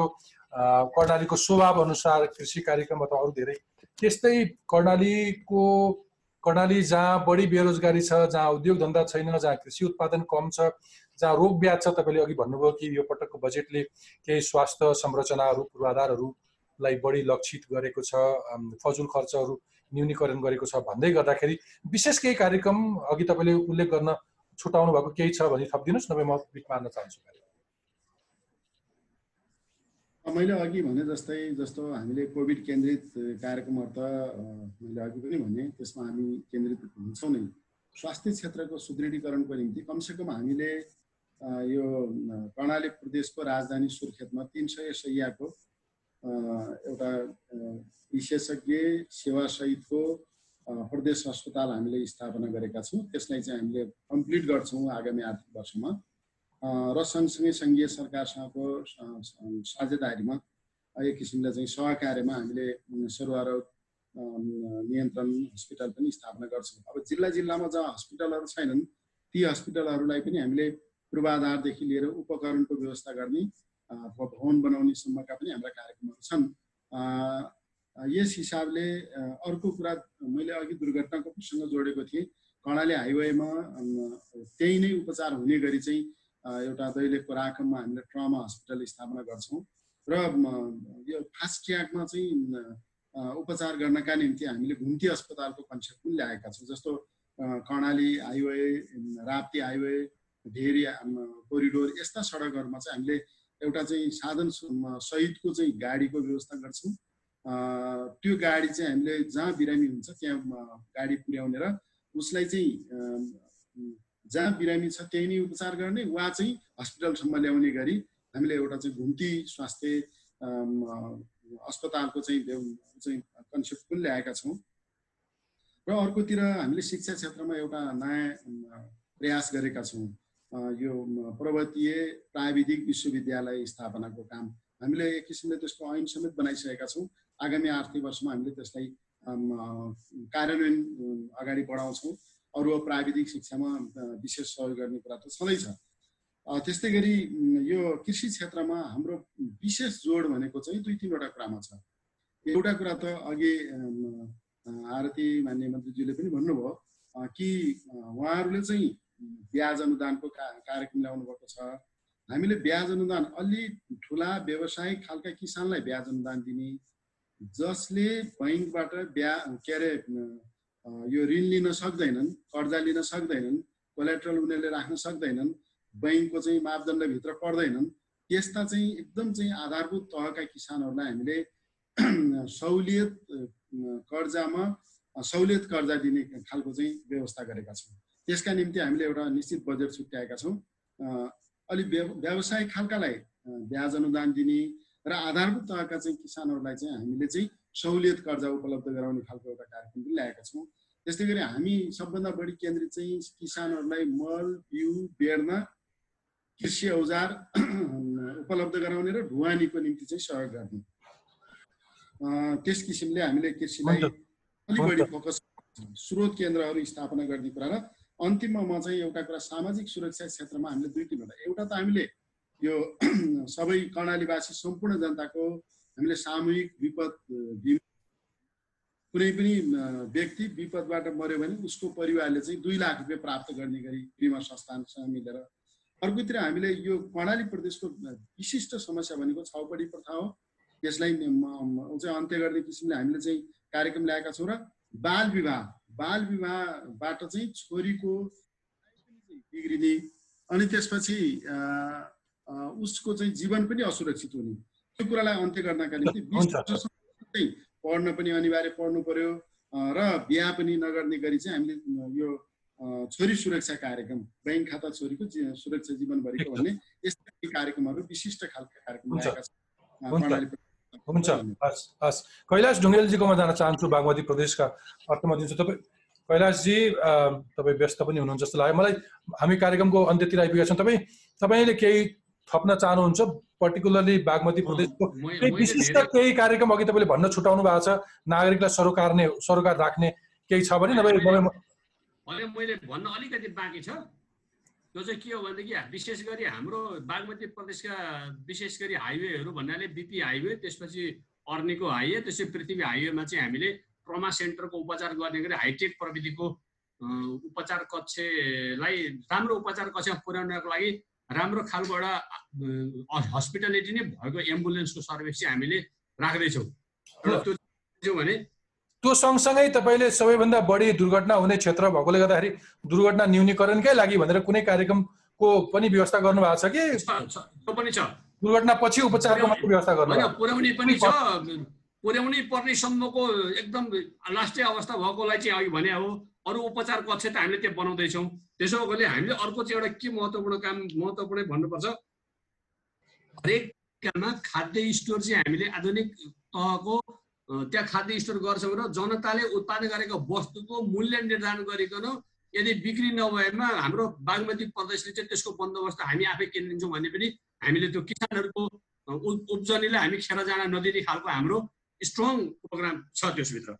त्यसो भएको हुनाले दोस्रो तेस्रो कुरा चाहिँ हामीले के छ भन्दाखेरि अब अहिले यसलाई अब नयाँ नै भन्नुपर्छ त्रिभुवन विश्वविद्यालय र कृषि पशु र वन विश्वविद्यालयसँग चाहिँ हामी एमयु गरेर हाम्रो प्रदेशमा चाहिने जनशक्ति चाहिँ लोकसेवाले पनि त्यसलाई प्रपूर्ति गर्न सक्ने। एक वर्षमा कति चाहिन्छ उहाँहरूलाई सामान्यतया हिँड्ने डुल्ने र बाँच्नेसम्मको खर्चको प्रावधान गर्न गरेर उहाँहरूको जनशक्तिलाई स्नातक भएको जनशक्तिलाई हरेक पालिकामा कृषिको हुन्छ कि भौतिक पूर्वाधारको हुन्छ कि पशुको हुन्छ हामी त्यसलाई चाहिँ सर्भिसमा हुन्छ। सुनिल सर थ्याङ्क यू झपटजी तपाईँ केही थप्न चाहनुहुन्छ सुदूरपश्चिम मैले अलिक विशेष समय दिएँ। तुलनात्मक अलिकति पछाडि परेको प्रदेश तपाईँको म्युट गर्नुपर्छ अनम्युट गर्नु पर्यो पहिले माइक्रोफोन अनि या एकदम क्विकली एक मिनटमा खिम सर डाक्टर साहब छटपटिरहनु भएको छ। विशेष गरेर हामीले यसपालि सुदूरपश्चिमका विपन्न घरधुरीलाई लक्षित गरेर बाली बिमा र पशु बिमा गरिदिने। किनभने कहिलेकाहीँ तपाईँको असिना हुने तपाईँको प्राकृतिक प्रकोप आउने कोही दुर्घटना हुने त्यसले गर्दाखेरिमा हामीले छ करोड रुपियाँ प्रिमियम तिर्नुको लागि अनुदानको रूपमा दिने भनेर राखेका छौँ। यो विशिष्ट कार्यक्रम हो यो। त्यस्तै यो प्रदेशमा बाढी पहिरो भूकम्प आगलागी चट्याङबाट कसैको ज्यान गुम्छ भने त्यसको लागि हामीले एक लाखको बिमा र एक लाख रुपियाँ तपाईँको भूस्खलन तपाईँको चाहिँ नि आगलागी बा- बाढी पहिरो या जलमग्न भएर घर भत्कियो भने त्यस्तो घरको लागि पनि एक लाख रुपियाँ प्रिमियमको चाहिँ अनु प्रिमियम बिमाको प्रिमियमको अनुदान गर्ने किसिमले हामीले कार्यक्रम ल्याएका छौँ। यो सबैका लागि होइन। प्रदेश सरकारले तोकेको मापदण्डमा विपन्न भनिएका परिवारको लागि हामीले यो ल्याएका छौँ। यो एउटा सामाजिक सुरक्षाको कार्यक्रम रहेको छ। त्यस्तै हामीले के गरेका छौँ भनेपछिमा यो बालिकालाई स्वास्थ्य बिमासँग जोडेर आर्थिक वर्ष सतहत्तर अठहत्तरमा जति पनि बालिका जन्मिन्छन् ती बालिका र बालिकाका आमालाई स्वास्थ्य बिमाको प्रिमियम प्रदेश सरकारले तिर्ने किसिमले हामीले त्यहाँ राखिदिएका छौँ। यी सामाजिक सुरक्षा सम्बन्धीका कार्यक्रम राखेका छन्। बाँकी अब अन्य विभिन्न किसिमका कार्यक्रम त अब फेरि छलफल गरौँ सबै। धन्यवाद। हुन्छ। म डक्टर किमलालजीकोमा आउन चाहन्छु डाक्टर साहब। तपाईँले पहिले अनम्युट गर्नुपर्छ। अनि तपाईँले सबै जसो मन्त्रीहरूको कुरा सुन्नुभयो एउटा सङ्घीयताको विज्ञ हुनुहुन्छ तपाईँ। सङ्घीयता भन्ने बित्तिकै हामी जुन किसिमको एउटा केन्द्रीकृत शासन व्यवस्थाबाट गुज्रिरहेका थियौँ यो परिस्थितिमा आउने बित्तिकै यसले केही जिम्मेवारी दियो र केही अधिकार दियो प्रदेश र स्थानीय सरकारलाई। त्यो प्रदेश सरकारले आज आफ्नो अधिकार प्रयोग गर्दै गर्दा अथवा आफ्नो जिम्मेवारी वहन गर्दै गर्दाखेरि तपाईँलाई लागिरहेको चाहिँ के छ? उही केन्द्रीकृत शासन प्रणालीभित्रका विकृति र कमजोरीहरू नि दोहोरिए अथवा होइन? हामीले त्यो पुरानै चस्माले हेऱ्यौँ तर हाम्रा प्रदेशहरू केही सृजनशील पनि भएर आए। उनले आफ्नो क्षमताका आधारमा केही कार्यक्रमहरू तय पनि गरेका छन्। तपाईँ कसरी हेर्नुहुन्छ सर यसलाई? अब तपाईँले भनेको कुराहरू केही केही हदसम्म केही ठिक पनि छ होइन? अब एउटा अघि सुरुदेखि तपाईँले पटक पटक क्वेसन गरेको यो निर्वाचन क्षेत्र पूर्वाधार विकास कार्यक्रमको एउटा निरन्तरता सबैभन्दा बढी हाई रिस्क भएको मैले देखेको है। हुन त यो मैले प्रदेशहरूलाई दोष दिन्न है प्रदेशको अर्थमन्त्रीहरूलाई मैले दोष दिन्न। यो किनभने जबसम्म सङ्घीय लेभलमा यो निर्वाचन क्षेत्र पूर्वाधार विकास कार्यक्रम हामी हटाउन सक्दैनौँ यो प्रदेशमा बहुत गाह्रो छ एउटा कुरा यो। तर एउटा के छ भने अलिकति नयाँ सोचबाट जाउँ न हामी नयाँ सिराबाट जाउँ भन्ने बहस छलफल पर्थ्यो होइन। विशेष गरी यो पाटोमा अलिक केही कमी कमजोरी छ सबै प्रदेशमा छ। विशेष गरी अघि तपाईँले पाँच नम्बर प्रदेशमा अलिकति अङ्कित पनि गरिसक्नु भयो होइन? कम्मल ओढेर घिउ खाने कुरा गर्नुभयो होइन? विशेष गरी अलिक केही करेक्सन अब होइन? सङ्घ- सङ्घले गरेका कमी कमजोरीहरू होइन? जुन गलत छन् गलत परम्परा छ त्यही अनुसारकै गर्नुपर्छ भन्ने होइन होइन? अर्को हामीले गर्नुपर्ने सुधार चाहिँ मैले देखेको के हो भने प्रदेशमा इभन सङ्घमा पनि है? मैले प्रदेशलाई दोष दिएको हुँदै होइन। हामी पालिका भनेको सबैभन्दा नजिकको सरकार हो। यो प्रिन्सिपल अफ सब्सिडियारिटीको अनुसारको नजिकको सरकार पालिका हो। त्यसपछिको नजिकको सरकार भनेको प्रदेश हो।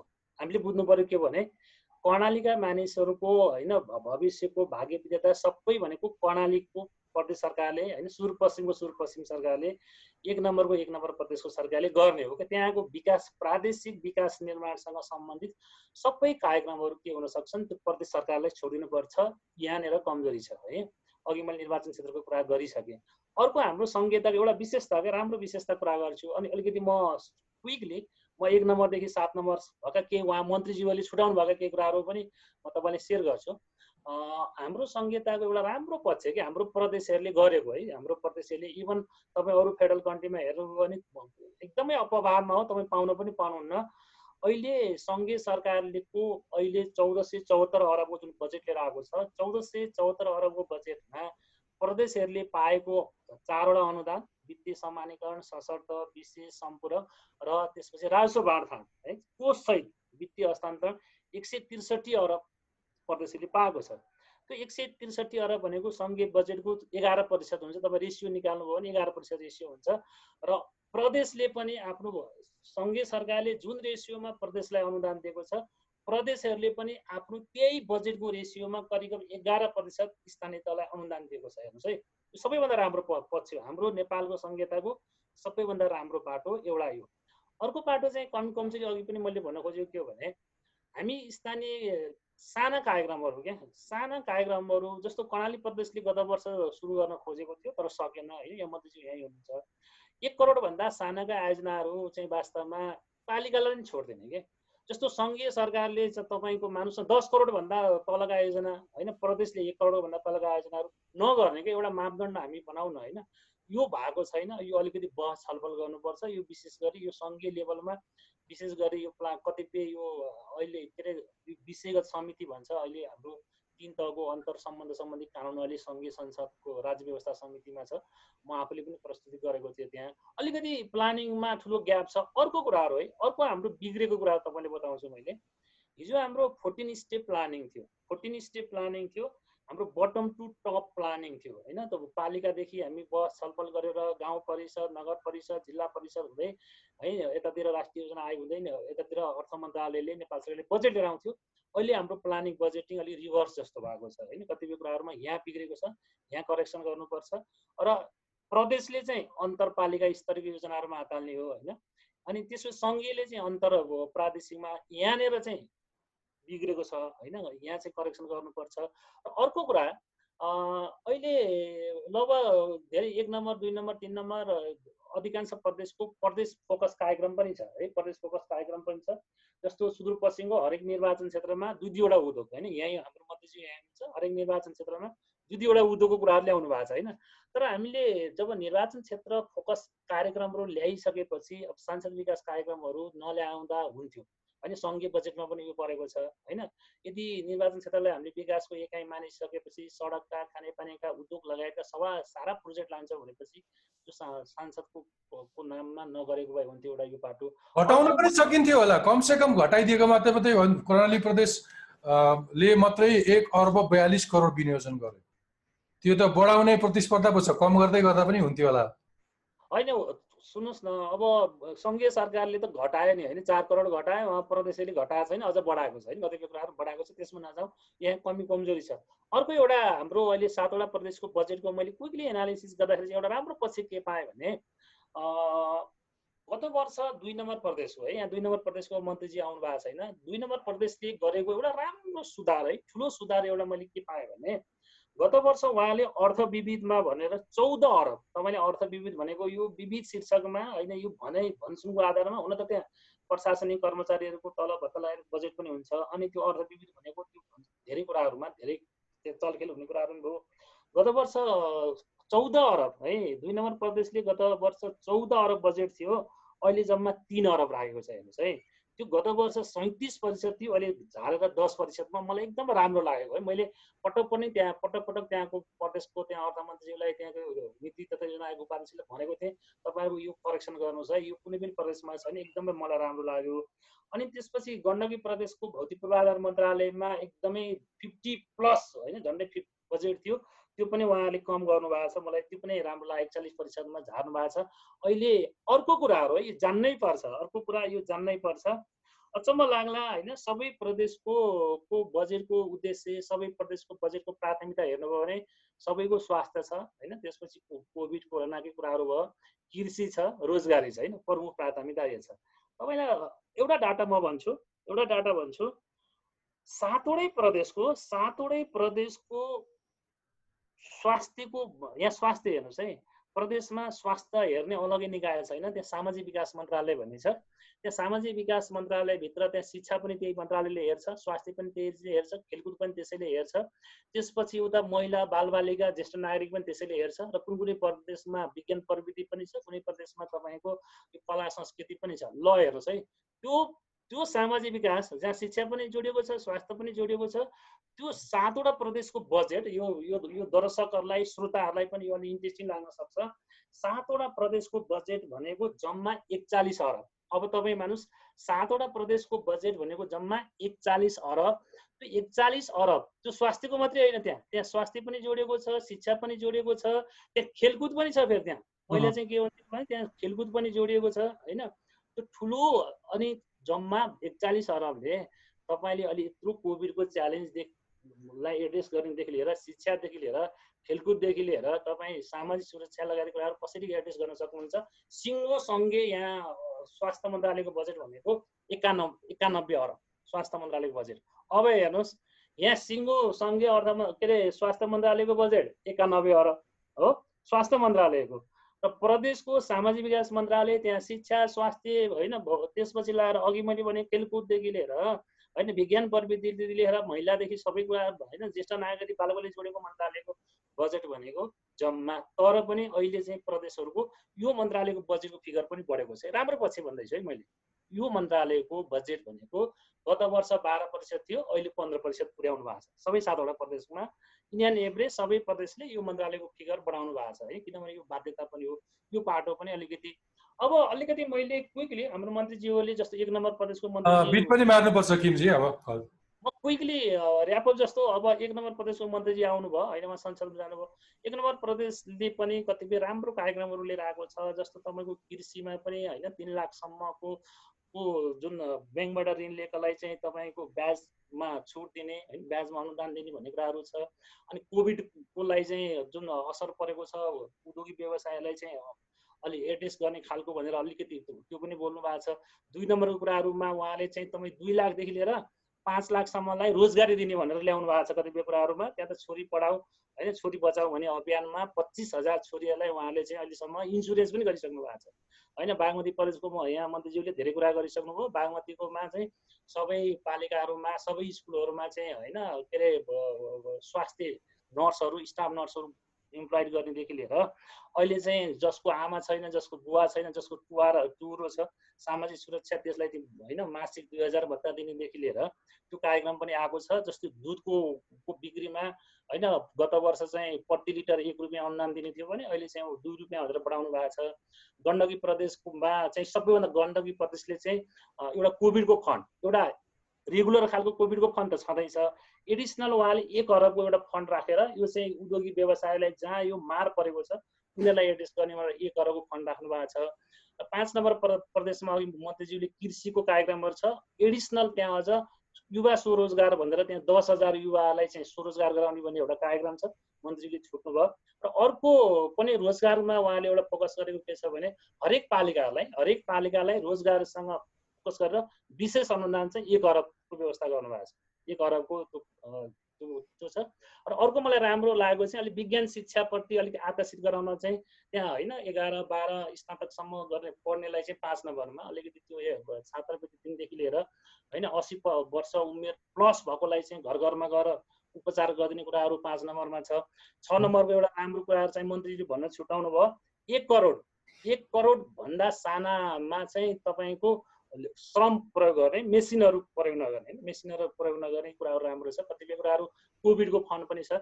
यी सबै कुराहरू मैले प्रदेशका संरचनामा कुरा गरेँ। तर पनि अर्को कुरा मैले के भन्छु भने हामी धेरै ठाउँमा हात हाल्यौँ क्या साना साना साना साना सानामा धेरै ठाउँमा हात हाल्यौँ। हाम्रो दायित्व पनि अब धेरै छ होइन गर्नुपर्ने दायित्व पनि धेरै छ। यति धेरै कम्तीमा सिलेक्टिभ भएर क्या थोरै योजना अघि मैले भने नि तपाईँलाई हेर्नु स्वास्थ्य मन्त्रालयमा सातवटा प्रदेशको स्वास्थ्य मात्रै होइन कि शिक्षासहित जोडेको मन्त्रालयको बजेट एकचालिस अरब। त्यहाँ कति तपाईँको त योजना हरेक काउन्ट गर्नुभयो भने त्यहाँ कति हजारौँ योजनाहरू छ होइन। त्यसले गर्दाखेरि मैले त के भने भने कम्तीमा प्रदेशको सांसदजी हुनुहुन्छ कम्तीमा तपाईँले पाँच वर्षपछि एउटा योजना मैले सम्पन्न गरेँ यति राम्रो योजना सम्पन्न गरेँ त्यो योजनाले यतिजना मान्छेलाई रोजगारी दियो यति इन्कम जेनेरेट गर्यो होइन? भन्ने खालको खोइ त भनेर होइन? म आफै बागमतीमा छँदाखेरि पनि ठुला योजनामा हात हालौँ भनेर प्रयास गर्न खोजेको थिएँ होइन? हुन्छ। बिट बिटमारम मलाई आजको एउटा आशय के थियो भने आम जनताले आफ्नो प्रदेश सरकार चिनुन् प्रदेश सरकारको उपस्थिति थाहा हुन् प्रदेश सरकारको बजेट कार्यक्रमको बारेमा केही न केही भए पनि जानकारी होस्। हामी सधैँ केन्द्रको मुद्दाहरूमा मात्रै बढी छलफल गर्छौँ। किन? स्थानीय तहका मुद्दाहरूमा छलफल नगर्ने। त्यहाँका अर्थमन्त्रीहरूले कुन परिस्थितिमा कस्तो खालको बजेट ल्याए भन्ने एउटा छलफल सम्वाद गरौँ भन्ने लागेको थियो। केही मन्त्रीज्यूहरूको संसद यही बेलामा चल्ने अवस्था आयो केही दुई नम्बर प्रदेशबाट मन्त्रीज्यूले अन्तिम अवस्थामा विजय कुमार यादवजी उपस्थित हुन सक्नु भएन एक नम्बर प्रदेशबाट इन्द्रबहादुर आङ्बोजीले उपस्थित हुनुभएको थियो तर अचानक फेरि उहाँ निस्किनु पर्ने स्थिति भयो। ठिक छ तपाईँलाई म धन्यवाद दिन चाहन्छु। तपाईँ सबै विशेष अतिथिहरू म मेरो दर्शक श्रोतालाई भनौँ कि आजको यो संवादमा मसँग छवटा प्रदेशहरूबाट पाँच प्रदेशहरूबाट आर्थिक मामिला तथा योजना मन्त्रीहरू हुनुहुन्थ्यो। प्रदेश एकबाट इन्द्रबहादुर आङ्बो हुनुहुन्थ्यो प्रदेश दुईबाट विजय कुमार यादव आउन सक्नु भएन। बागमतीबाट कैलाश ढुङ्गेल हुनुहुन्थ्यो गण्डकीबाट किरण गुरुङ हुनुहुन्थ्यो कर्णाली प्रदेशबाट कैलाश प्रकाश ज्वाला हुनुहुन्थ्यो र सुदूरपश्चिमबाट मन्त्री झप्पट बोरा हुनुहुन्थ्यो। त्यस्तै प्रदेश पाँचबाट कृषि मन्त्री आरती पौडेलजी हुनुहुन्थ्यो र प्रादेशिक मामिलाका जानकार तथा सङ्घीयता विज्ञ डाक्टर खिमलाल देवकोटा हुनुहुन्थ्यो। आज हामीले प्रदेशहरूको बजेटका बारेमा छलफल गऱ्यौँ। हवस् त अर्को हप्ता फेरि यसरी नै आउनेछु। आजलाई मलाई बिदा दिनुहोस्। मेरो ट्विटर ह्यान्डल आइट्युन्स र एन्ड्रोइडको पडकास्ट टफ टकको फेसबुक पेज युट्युब पेज र हाम्रो पात्रो एपमा यो कार्यक्रम उपलब्ध हुनेछ। स्वस्थ रहनुहोस् सुरक्षित रहनुहोस्। आजलाई बिदा दिनुहोस्। नमस्ते। Sobre.